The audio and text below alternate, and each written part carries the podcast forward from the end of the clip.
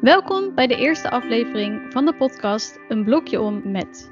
In deze podcast spreek ik met docenten van de opleiding Social Work van Hogeschool in Holland.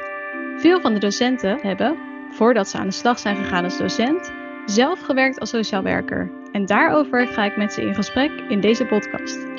Hoe is het om sociaal werker te zijn? Welke kwaliteit heb je daarvoor nodig? En hoe ziet een werkdag eruit? Mijn naam is Renske de Beijer en vandaag ga ik een blokje om met Shaila. Shaila, welkom. Leuk dat je gast je. wilt zijn eh, in deze podcast als allereerst. Je Ja. bent ehm, docent sociaal werk op de locatie Haarlem en soms ook in Alkmaar. Klopt. En voordat ik jou ga vragen om jezelf even verder te introduceren, heb ik vast een korte beginvraag. Ehm, deze podcast heet Een blokje om met, omdat we door corona veel achter onze computer zitten. En onze luisteraars eigenlijk willen stimuleren om naar buiten te gaan en ondertussen dan deze podcast te luisteren. Ehm, ben jij eigenlijk een wandelaar geworden sinds eh, corona? Nou ja, ik zal je sterker vertellen. Ik was eh al een wandelaar voor corona. Jij was al een wandelaar. Ik was een, een echt, ja, ik, ik ben een echte hiker. Ik heb ook echt wandelschoenen. Ja, oh je bent echt pro. eh. Ja, ja van die hoge lelijke. Die heb ik. ja, En daar, ja, daar wandel ik ook op, ook in het buitenland. Nou, ja, de laatste tijd natuurlijk niet meer in het buitenland. nu niet meer zoveel, ja. Nee, maar ehm, ik hou van wandelen. Ja, en, en luister je dan ook wel eens podcast tijdens het wandelen? Nee, nee, dat doe ik eigenlijk nooit. Oké, Nee, ook geen muziek. Ik kijk eh, meestal om me heen of ik praat met degene met wie ik wandel. Ja, nou misschien eh, toch eens mee gaan beginnen dan als we deze serie eh, verder gaan maken. Ga ik mijn eigen podcast luisteren. Ja, precies, dat is ook leuk. Kan je nog eventjes naar jezelf luisteren? Ja. Yes, ik zou vragen, zou je jezelf even kort willen voorstellen? Dus eh, waar woon je? Eh, hoe oud ben je? Of hoe oud wil je dat mensen denken dat je bent? Hè? Dat mag natuurlijk ook, eh zijn de moeilijkste niet. Ehm, en hoe lang werk je al bij in Holland? Ja. Nou, ik ben Shaila. Ik eh, word door de studenten 24 geschat, maar ik ben echt 36 jaar. Ik wou net zeggen, we kunnen het op 24 houden dan. Ja, precies. Nee, 36 is mooi. Ja. Ik las laatst een interview met Katja Schuurman en zij zei: Het is ouder worden of de pijp uitgaan. Oh, Dus nou, ik dacht, nou ja, weet je, dan eh, gaan we ouder worden. ja, Embrace. precies. Ja, en ik woon eh, in Haarlem samen met Maarten, mijn vriend, al eh, 12 jaar. En ik werk nu ruim een jaar bij In Holland. Ruim een jaar, yes. Ja. En jij woont ongeveer op koprolafstand van de school, hè? Twee koprollen wel gemeten. Ja. Zeker. Ja, klopt. Nou, dat is op zich ideaal. Waren het niet dat we niet zo heel vaak op locatie zijn geweest in dat jaar dat je nu bij In Holland werkt? Nee, ik wilde wat dichter bij huis gaan werken. Nu werk ik thuis. Je werkt in huis nu. In ja. huis. Ja. Nou, op zich eh, is dat wel eh, fijn qua reistijd. Ehm, en sociaal werk bij In Holland is voor jou ook niet echt een heel onbekend terrein, hè? Want je hebt zelf ook sociaal werk gedaan bij In Holland. Dat klopt. Ik ben eh, eigen kweek, zoals ze dat noemen. Ja, precies. Ja, ik heb in 2006 heb ik SPH, Sociaal Pedagogisch Hulpverlenen, en eh, de specialisatie GGZ-agoog gedaan. Ja, dus even voor de mensen die dat niet weten, inderdaad, die opleiding eh, is dus veranderd inderdaad naar sociaal werk, hè? Klopt, klopt. De opleidingen CMV, SPH en MWD die zijn ehm, samengevoegd tot social work. Ja, precies. En waarom koos jij destijds voor de opleiding sociaal werk? Nou, ik ehm, eh, was klaar met het VWO en toen dacht ik, ik heb geen idee wat ik moet met mijn leven. En Mhm. toen ehm, ben ik gaan werken. En toen zag ik iedereen om me heen wel gaan studeren. En ehm, die hele werkperiode heeft eh, nou, zeker twee jaar geduurd. En ik werd op een gegeven moment gewoon ongedurig. En toen ben ik naar in Holland gegaan. Mhm. Toen dacht ik, ik ben nu helemaal zat. Ik ga mij inschrijven voor een opleiding waarvan ik op dat moment denk, dat lijkt mij het allerleukst. En dat was social work. En achteraf ben ik er natuurlijk wel achter gekomen. Wat maakt dat dat, dat zo goed bij mij heeft gepast. Want ik ben, Mhm. in mijn leven ben ik, ehm, nou, ben ik wel in aanraking geweest ook met hulpverlening. En ook naasten van mij in aanraking geweest met hulpverlening. En ehm, ik heb ook van dichtbij mogen zien hoeveel goeds dat kan betekenen voor een leven. Hoezeer je op een recht pad daardoor kunt komen. En ik dacht, het lijkt me echt zo ontzettend tof om op die manier een bijdrage te kunnen leveren aan eh, kwaliteit van leven van mensen.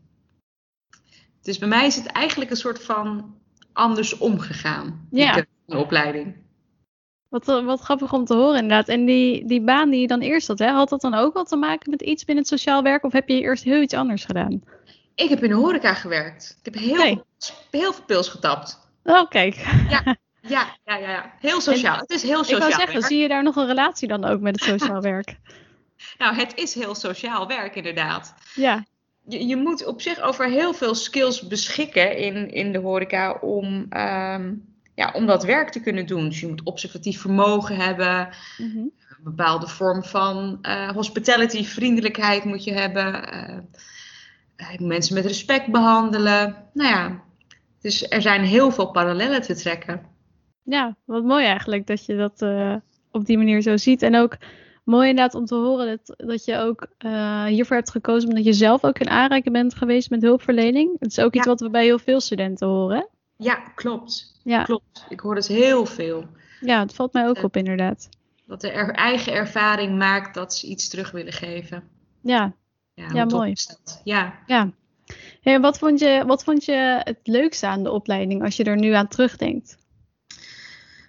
Het leukste aan de opleiding. Ehm, ik vond het leukste aan de opleiding ehm, nou, dat het heel breed was.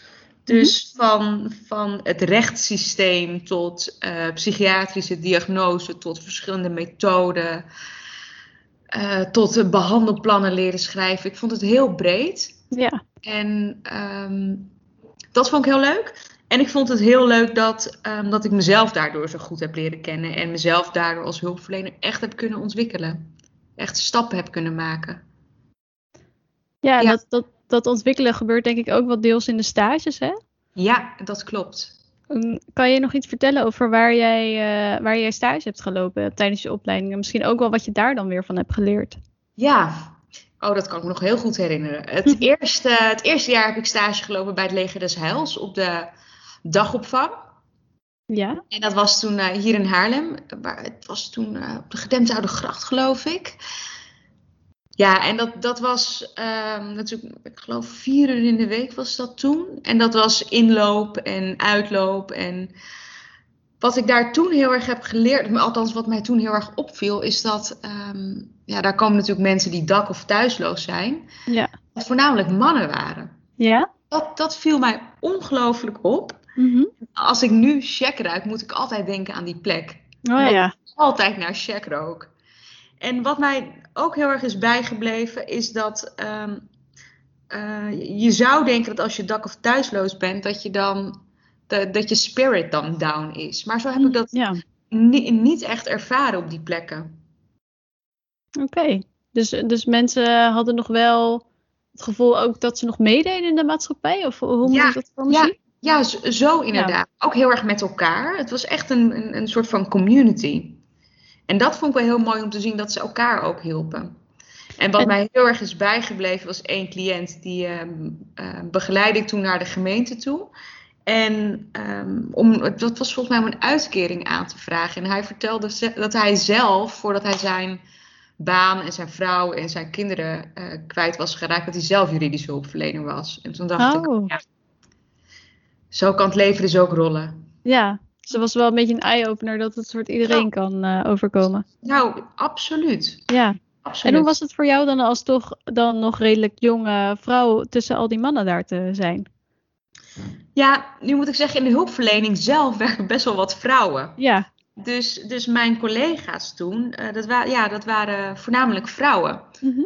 Dus ehm, nou, ik, ik heb daar wel geleerd ehm, wat ik mijn eigen studenten ook wel meegeef. Hè? Dus ehm, eh, let op je kleding, let op je lichaamstaal. ehm.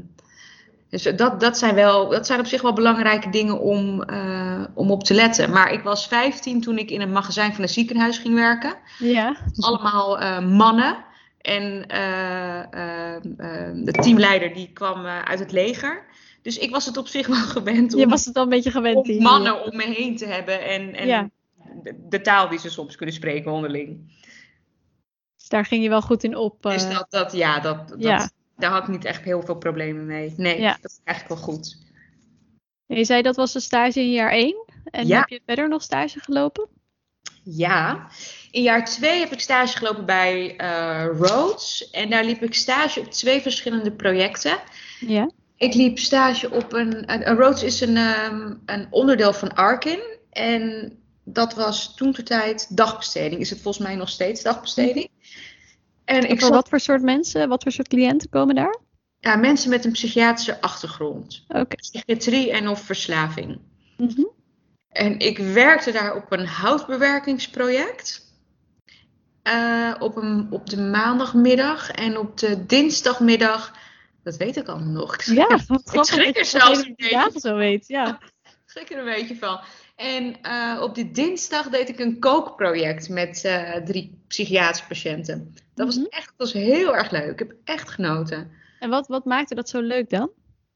Nou, het was heel geestig. Vooral dat, eh, dat kookproject. Dat deed ik dan met drie mensen. En ik weet nog precies hoe ze eruit zien en hoe dat dan altijd ging. Er ging dus een, een busje door, door, ik geloof door Haarlem en, en Zandvoort heen. En Ja. zij haalden dan cliënten op die dan dagbesteding bij Rhodes eh, hadden.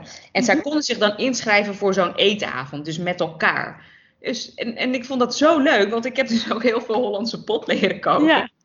Ik, ik ken dat natuurlijk helemaal niet van huis uit, de Hollandse pot koken. Ja, moet je, geha je, je gehakte rul gaan bakken. Ik dacht, god, dat heb ik ook nog nooit gedaan. Hoe moet ik dat doen? Hoe Ja. moet ik dat doen? Dus dat was, eh, en dat was heel geestig, want ik weet het nog goed. Het waren ehm, eh, een, een dame met eh, schizofrenie, een andere dame met een bipolaire stoornis en een man met Korsakoff. Maar de begeleiding, dat was het hele proces. Dus je begon dan met boodschappen doen. Ja. Nou ja, ik heb één keer de meneer met eh Korsakoff zonder boodschappenlijstje naar, naar, de, naar de supermarkt gestuurd. Daar kwam niet heel veel van Ik zou zeggen, dat was geen succes. Dat was geen succes. ja. Maar het was echt een feest om dan zoveel mensen bij elkaar te zien. En dat dat ook, dat, dat, dat, ja, dat, dat koken was altijd heel gezellig. En dat, dat, dat begeleiden was leuk. En leerde ik ongelooflijk veel van. Want eh, ja, ehm, de, de, de stoornis slash het gedrag, ja, dat beïnvloedt ja, de samenwerking wel op sommige momenten. Ja, en hoe ga ik daar dan mee om? Daar had ik een heel leuke stagebegeleider voor, die mij er heel goed mee heeft geholpen. Ja, en dat eten samen, dat, eh, dat is ook altijd zo ongelooflijk gezellig. Want iedereen keek er altijd zo naar uit. ja. Dus iedereen Ja. had ook zin daarin. Ik vind ook wel, ehm, als je met andere mensen in aanraking komt, dat je soms ook in één keer ziet dat sommige dingen eh, die voor jou misschien heel vanzelfsprekend zijn, zoals naar de supermarkt kunnen zonder lijstje, Ja. dat dat voor andere mensen niet zo is. Is dat ook iets wat je daar hebt ontdekt? Oh, absoluut. Absoluut. Zeker weten. En ehm, wat ik daar ook heb ontdekt is dat, ehm, dat het niet altijd gaat zoals ik wil dat het gaat. Of zoals Mhm. ik plan dat het gaat. Ja, zeker. Heb ik daar absoluut geleerd. Dus je bedoelt inderdaad, als jij de activiteit hebt gepland op een bepaalde manier, dat het misschien wel weer heel anders loopt dan dat je had gedacht. Ja, en dat Ja. ik sommige dingen los moet laten. Ja. Dat dingen gaan zoals ze gaan. Ja, is nog steeds ja. work in progress hoor, trouwens. Ja, precies. Dat blijft gewoon altijd. eh, Dat blijft een beetje van mij, ja. Ja. En heb je verder nog, ehm, want Ja. daar, we hebben nu jaar 1 en 2 gehad. Hè? In jaar 3 ben je eh, waarschijnlijk al wat meer gaan specialiseren. Ja, Eh, jaar drie heb ik stage gelopen bij eh, de Breidersstichting. En dat is onderdeel van eh Parnassia. Mhm. En daar heb ik ehm, op de behandelunit stage gelopen een heel jaar lang. Ja, dat was leuk. Dat was een eh eh, cliënten die woonde daar ook. Ja. Die kliniek die werden daar voor een tijd opgenomen. En ik weet niet meer voor eh, hoe lang zo'n zo'n opnameperiode nou duurde. Maar ik weet wel dat er een, een opnameperiode was en daarna volgde een resocialisatiefase. Dus dat zij heel langzaamaan weer naar huis gingen. Dus dat eerst volgens mij een, een tijdje dat ze door de week nog wel in de kliniek waren. In het weekend mochten ze naar Ja. huis. En dan na een periode kregen ze wat meer vrijheden om dan zo ehm, de, de opname af te bouwen, zeg maar.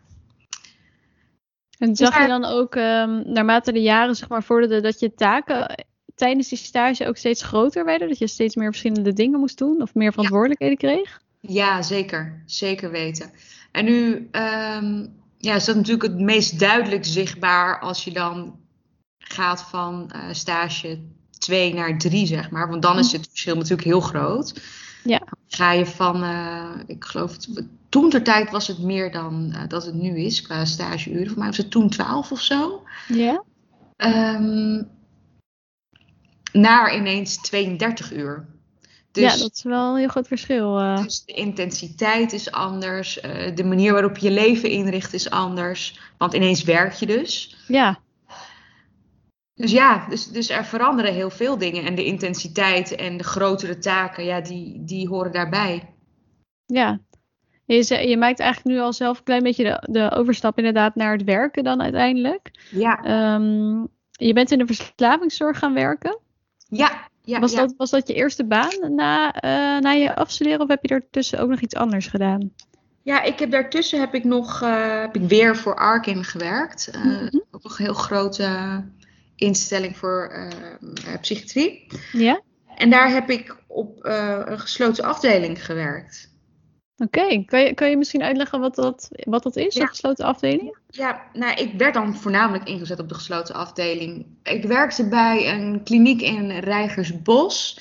En die kliniek had allemaal verschillende uh, settings. Dus cliënten konden in, uh, in een soort van aanleunwoningen wonen. En dat waren dan cliënten die uh, nou, regelmatig bezoek van ons kregen. Mm -hmm. Um, dat was allemaal op basis van een bepaalde indicatie. Je hebt cliënten op een open afdeling, dus die mochten in principe gewoon uh, overdag uh, met toestemming bepaalde dingen doen, dagbesteding doen, werken. Uh, maar die moesten dan wel op gezette tijden binnen zijn. Ja. En je had cliënten die echt op de gesloten afdeling zaten, omdat deze cliënten um, ja, eigenlijk structureel psychotisch zijn. En die zijn een gevaar voor dan al zichzelf of dan Ja. al de omgeving op het moment dat zij in de omgeving zouden participeren. En dan, ehm, ik, ik maakte ook wel eens een uitstapje naar die andere afdelingen, maar ik, eh, ik heb voornamelijk op de gesloten gewerkt. En dat was ook mijn eigen verzoek. Ja, dat, dat lijkt mij best wel heftig om op zo'n gesloten afdeling eh, te werken. Ja, dat klopt, kan ik je vertellen. Ja, en Ja. hoe zorg je er dan voor dat je dat werk niet mee naar huis neemt? Want dat, dat merk ik dat studenten dat heel vaak vragen. Hè? Van, eh, Ja. ik ben heel bang dat ik het werk dan heel erg mee naar huis ga nemen. Hoe ging jij daarmee om? Nou ja, ik sta er zelf een heel klein beetje anders in, want ik denk dat, dat als je nooit iets mee naar huis neemt, dan verdwijnt de betrokkenheid en de empathie. Dus Ja. Ergens, als jij thuis bent of nog in de trein zit of nog in de auto of op de fiets en je, je denkt er nog eens over na, Ja, over eh, hoe iets indruk op je gemaakt heeft of dat je eens reflecteert dat je denkt van god, nou wat, wat blij dat mijn mental health, eh, ehm, dat dat gezond is. Of, Ja. hè? Dus ik, ik denk dat dat, dat dat heel menselijk is om dat te hebben. En ehm, op een gegeven moment dan, eh, ik- de tijd moet ook zijn werk doen. Dat, daar ben ik echt van overtuigd. Ik denk dat als je net van school afkomt en je gaat in het veld werken, dan alles verandert hè, in je leven. Ja. Ineens ben je klaar met de opleiding. Alles wat zo ingebed was, ja, dat, dat valt weg. En je bent ineens een groot, een groot mens in een grote mensenwereld. ja, En ja, ineens werk je, ben je participant in een werkende maatschappij. Dus je moet jezelf ook even tijd gunnen, denk ik, om dat, om dat allemaal een beetje in balans te krijgen. En de eerste, de, ja, de eerste paar weken, maanden, zul je echt nog wel dingen mee naar huis nemen. Maar je zult merken dat als je langer werkzaam bent in een bepaald vak, dat dat wel minder gaat worden. ja, dus je zegt eigenlijk ook een beetje door de ervaring die je opdoet, eh, Ja. gaat het misschien ook, dat je misschien iets minder onzeker ook wordt? Ja, je, je went ook aan een bepaalde intensiteit en aan Ja. bepaalde, ja. een bepaalde gedragingen, hè, al dat soort dingen. En daarnaast is het ook wel belangrijk om te weten dat werk niet alles is. Dus, Ja. dus daarnaast heb je natuurlijk ook gewoon nog een privéleven. En eh, mensen sporten en je hebt vrienden, en je hebt je familie en je hebt je hobby's. En dat stellen van grenzen, dat is wel heel belangrijk ook als je gaat, eh, als je Ja. gaat werken in het veld. Dat helpt je ook om, eh, om dingen los te laten. Ja. Met nu hebben we het even gehad over de wat eh, zwaardere kant zeg maar, van Ja. het werk. Ja, Wat, wat vind jij het leukste? Wat vond je het leukste om te werken als sociaal werker? nou, ik, eh, ehm, ja, wat niet, wat niet. Ik vond Wat zo, niet, ja. zoveel leuk. Je ontmoet zo ongelooflijk veel mensen. Ja. Zoveel kleuren, zoveel smaken, zoveel geuren. Ja, en dat, dat verbreedt je, ehm, eh, je visie op mensen. Verbreedt dat, heeft dat voor mij enorm verbreed. En ehm, het maakt ook wel dat ik als mens niet, uh, niet zo veroordelend ben. Mhm. Omdat, ja, omdat ja, je hebt zoveel verschillende mensen en zoveel verschillende aanleidingen voor zoveel verschillende problemen. En ja, het heeft wel een bepaald respect voor mij gevormd, voor mensen op zich. Dat vind, ja, dat, dat. Ja, Ik moet heel, ook heel erg zeggen dat, dat voor, ook op die gesloten afdeling, het was, soms was het ook feest. Want het is soms ook ja. je kunt ook soms vreselijk hard lachen met mensen. Niet om mensen, maar wel met mensen. Ja. En ik zat bijvoorbeeld eh, op, de, eh, op die gesloten afdeling, zat er een cliënte. En zij, zij was, eh, ik geloof een jaar of 18, toen zij last kreeg van psychoses. En in haar psychoses was zij altijd in Volendam. Dus zij, zij, zij, was, zij zag dus altijd de, de drie J's en Nick Simon en BZN. En dan zat zij dus aan tafel en dan was ze aan het, ja, aan het mompelen. En ja, zij zat alleen aan tafel. En als ik dan op zo'n stoel ging zitten aan tafel, zegt ze: Oh nee, Shaila, niet doen. Je zit nu bij Nick van Nick en Simon op school. Oh, zeg, oh god, ja, dat was niet mijn bedoeling. Ik sta even op. ja.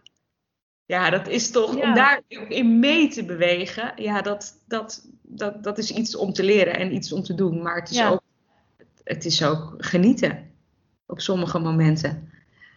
Ik- Het is wel mooi dat je dat zegt, want ik denk toch dat heel veel mensen, inclusief ikzelf, bij een gesloten afdeling toch wel heel snel denken aan heel, heel zwaar en heel. Ja, En niet per se aan dit soort dingen ook. nee, ja, het is, het is heel zwaar ook, maar het is ook maar net hoe je er zelf in staat en wat Ja. je er van maakt. Ja, Tot een zekere hoogte, hè? dat is natuurlijk ook wel zo. Ja.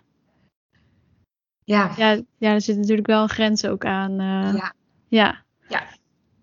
En ehm, je vertelt nu even inderdaad over die gesloten afdeling. Uiteindelijk ben je dus ook in de verslavingszorg eh, gaan werken. Ik denk dat dat iets is wat veel mensen misschien ook voor zich zien als ze sociaal werker worden. Ehm, zou je eens kunnen beschrijven wat jij dan deed in de verslavingszorg? Dus hoe zag een gemiddelde dag van jou er dan bijvoorbeeld uit?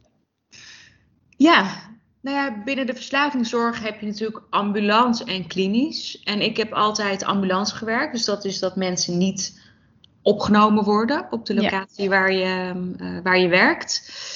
Ja, en dat verschilde een beetje, want ik heb bij drie verschillende klinieken gewerkt de afgelopen tien jaar.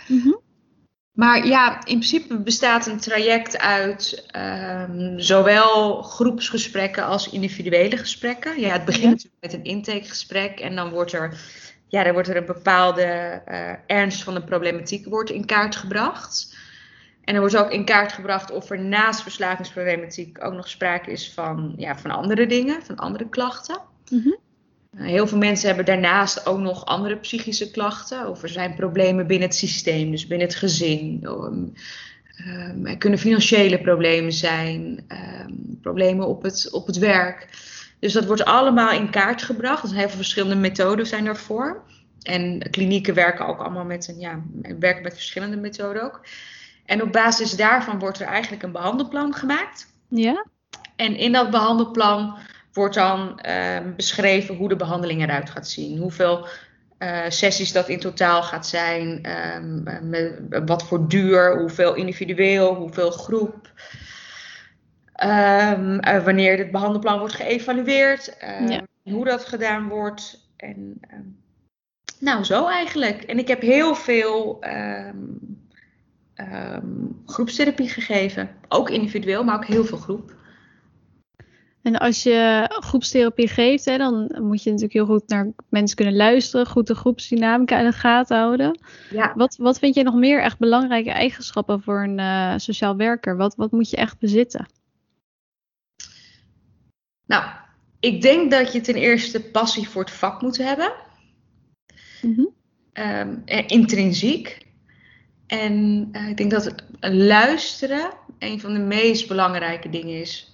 Ja luisteren en op een adequate manier kunnen reageren. En respect. Altijd vanuit respect werken. Ja. Ja. En ja. Uh, zijn dat dingen waarvan je zegt van uh, dat, dat had ik al in mij toen ik aan de opleiding begon? Of is, zijn dat ook dingen die je tijdens de opleiding heel erg hebt geleerd en ook tijdens je werken? Hmm, goeie vraag. Nou, het hebben van respect is, is iets dat, dat mij wel eigen is. Mhm. Maar luisteren is dan meer een skill. Ja. Dus het is meer, ja, dus respect is dan meer een waarde. En luisteren is meer een skill. En ik moet zeggen dat ik dat wel echt op de opleiding heb geleerd hoor. Leren Ja? luisteren. Ja. Ja, zeker. En ehm, op het moment dat, dat je start met de opleiding, althans dat ik startte met de opleiding, laat ik voor mezelf spreken. Toen dacht ik, ja, dat kan ik toch wel. Ik kan toch wel luisteren. ja, precies. Iedereen kan luisteren. Iedereen kan luisteren. Ja. Maar begrijpend luisteren Ja, en daar nog iets mee kunnen doen, eh, in eh, wat gesprekstechnieken betreft, dat heb ik echt moeten leren. ja. Dat is wel weer echt een heel ander, eh, Ja, ander iets, ja. klopt. En Shaila, als we het dan toch hebben over dingen die je hebt geleerd, hè? Ehm, je hebt best wel heel wat jaar ervaring als sociaal werker. Ja. Dus stel dat jij nou even terugdenkt hè, aan toen jij dus zelf aan de opleiding begon, of misschien toen wel stage liep. Wat voor advies zou je jezelf dan geven eh, met alles wat je uiteindelijk hebt geleerd tijdens het werken?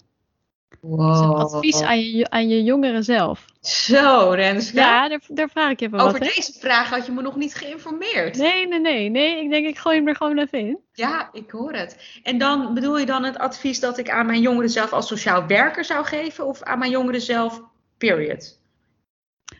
Nou, ja, waar jij Jeetje. wat je wil. Ik vind, ik vind het allebei interessant. Jeetje, Mina.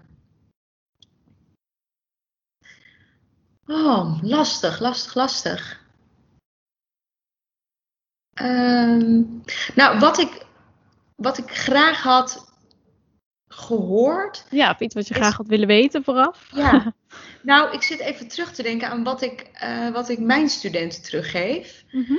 En dat is, ehm, ik zeg dus heel vaak, je komt niet, wees je ervan bewust dat je niet als een, als een eh 100% pakket wordt afgeleverd aan, aan het veld als je je diploma hebt. Dus het is niet zo dat dat, dat dat het keerpunt is dat je dan ineens alles weet. Dat Weet je dat ineens de gouden sociaal werker bent die alles precies. kan Dus je, oplossen. dus wees je ervan bewust dat, dat, dat je leerproces en je leertraject op dag 1 van social work start, maar eigenlijk nooit stopt. Nee. Dus, dus dat maakt eigenlijk misschien wel twee dingen. Je hoeft nog niet alles te kunnen en je, je Ja. moet ook open blijven staan om Precies. te blijven leren. Precies, goed samengevat. Ja, mooi hè? Jij geeft zeker de training gesprekstechniek. Ik ben ook mijn eh, gesprekstechnieken aan het, eh, aan het verbeteren. Maar ik ben, ik ben blij dat je het opmerkt. Ja, zeker. Ik kan luisteren. Zal, zal ik dan meteen nog een eh, ingewikkelde vraag erin gooien? Nou, doe dan maar. toch bezig zijn. Ja, Ik was benieuwd, eh Shaila, ken jij toevallig het boek Die Ene Patiënt? Nee. En zo niet, dan ga ik het je even uitleggen. Het is een boek waarin artsen vertellen over een patiënt die eigenlijk hun kijk op het vak heeft veranderd. Of die ze echt iets bij hebben gebracht dat heel waardevol was. En ik was benieuwd, heb jij ook één zo'n cliënt waarvan je zegt, nou die is me heel erg bijgebleven. Of die heeft me echt anders naar het vak doen laten kijken. Of iemand, als ik nu aan jou vraag van aan welke cliënt denk je, dan heb je dan meteen iemand in je hoofd? Of heb je zoveel cliënten gezien dat dat heel erg lastig is? Nou, ik heb heel veel cliënten gezien, maar ik heb nu ook heel veel cliënten in mijn hoofd. Ja. Ehm, Zou je één, één Ja. voorbeeld misschien kunnen geven van iemand die wel echt indruk op jou heeft gemaakt? ja, ja, zeker. Het is een voorbeeld en, dat, en, en ik heb dat toevallig ook gebruikt in mijn les eh, vorige week. Ja? Dat, dat was een cliënte ehm, van die gesloten afdeling waar ik het net over had. Mhm. En ehm, ik zal haar even fingeren. Ik zal haar even Ja. Julia noemen. Ja. En Julia was een vrouw van toen ter tijd, ja, begin 50. En eh, eh, ze had een bipolaire stoornis, maar echt wel heel heftig. Haar, Misschien goed om even uit te leggen wat een bipolaire stoornis is. Precies. Een bipolaire stoornis is ehm, een manisch-depressieve stoornis. Dus dan wisselen manies zich af met depressies. Mhm. Dus dan ga je van eh, diepe dalen naar hoge hoogte in Ja. je stemming. Dus het gaat eh, echt van boven naar beneden. Ja, als Ja. een yo-yo gaat, maar dan wel echt extreem. Mhm. En deze Julia had dat heel heftig. En in die tijd dat ik daar werkte, wer- ehm, ehm, werden cliënten nog gesepareerd in de separeerruimte.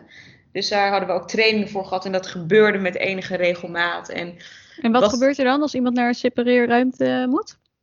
Nou ja, je, je hebt verschillende manieren van separeren. Maar zij werd eigenlijk gewoon vastgepakt door vier medewerkers. En dan werd haar iets sederends toegediend. Dus iets waar ze rustig van werd. Ja.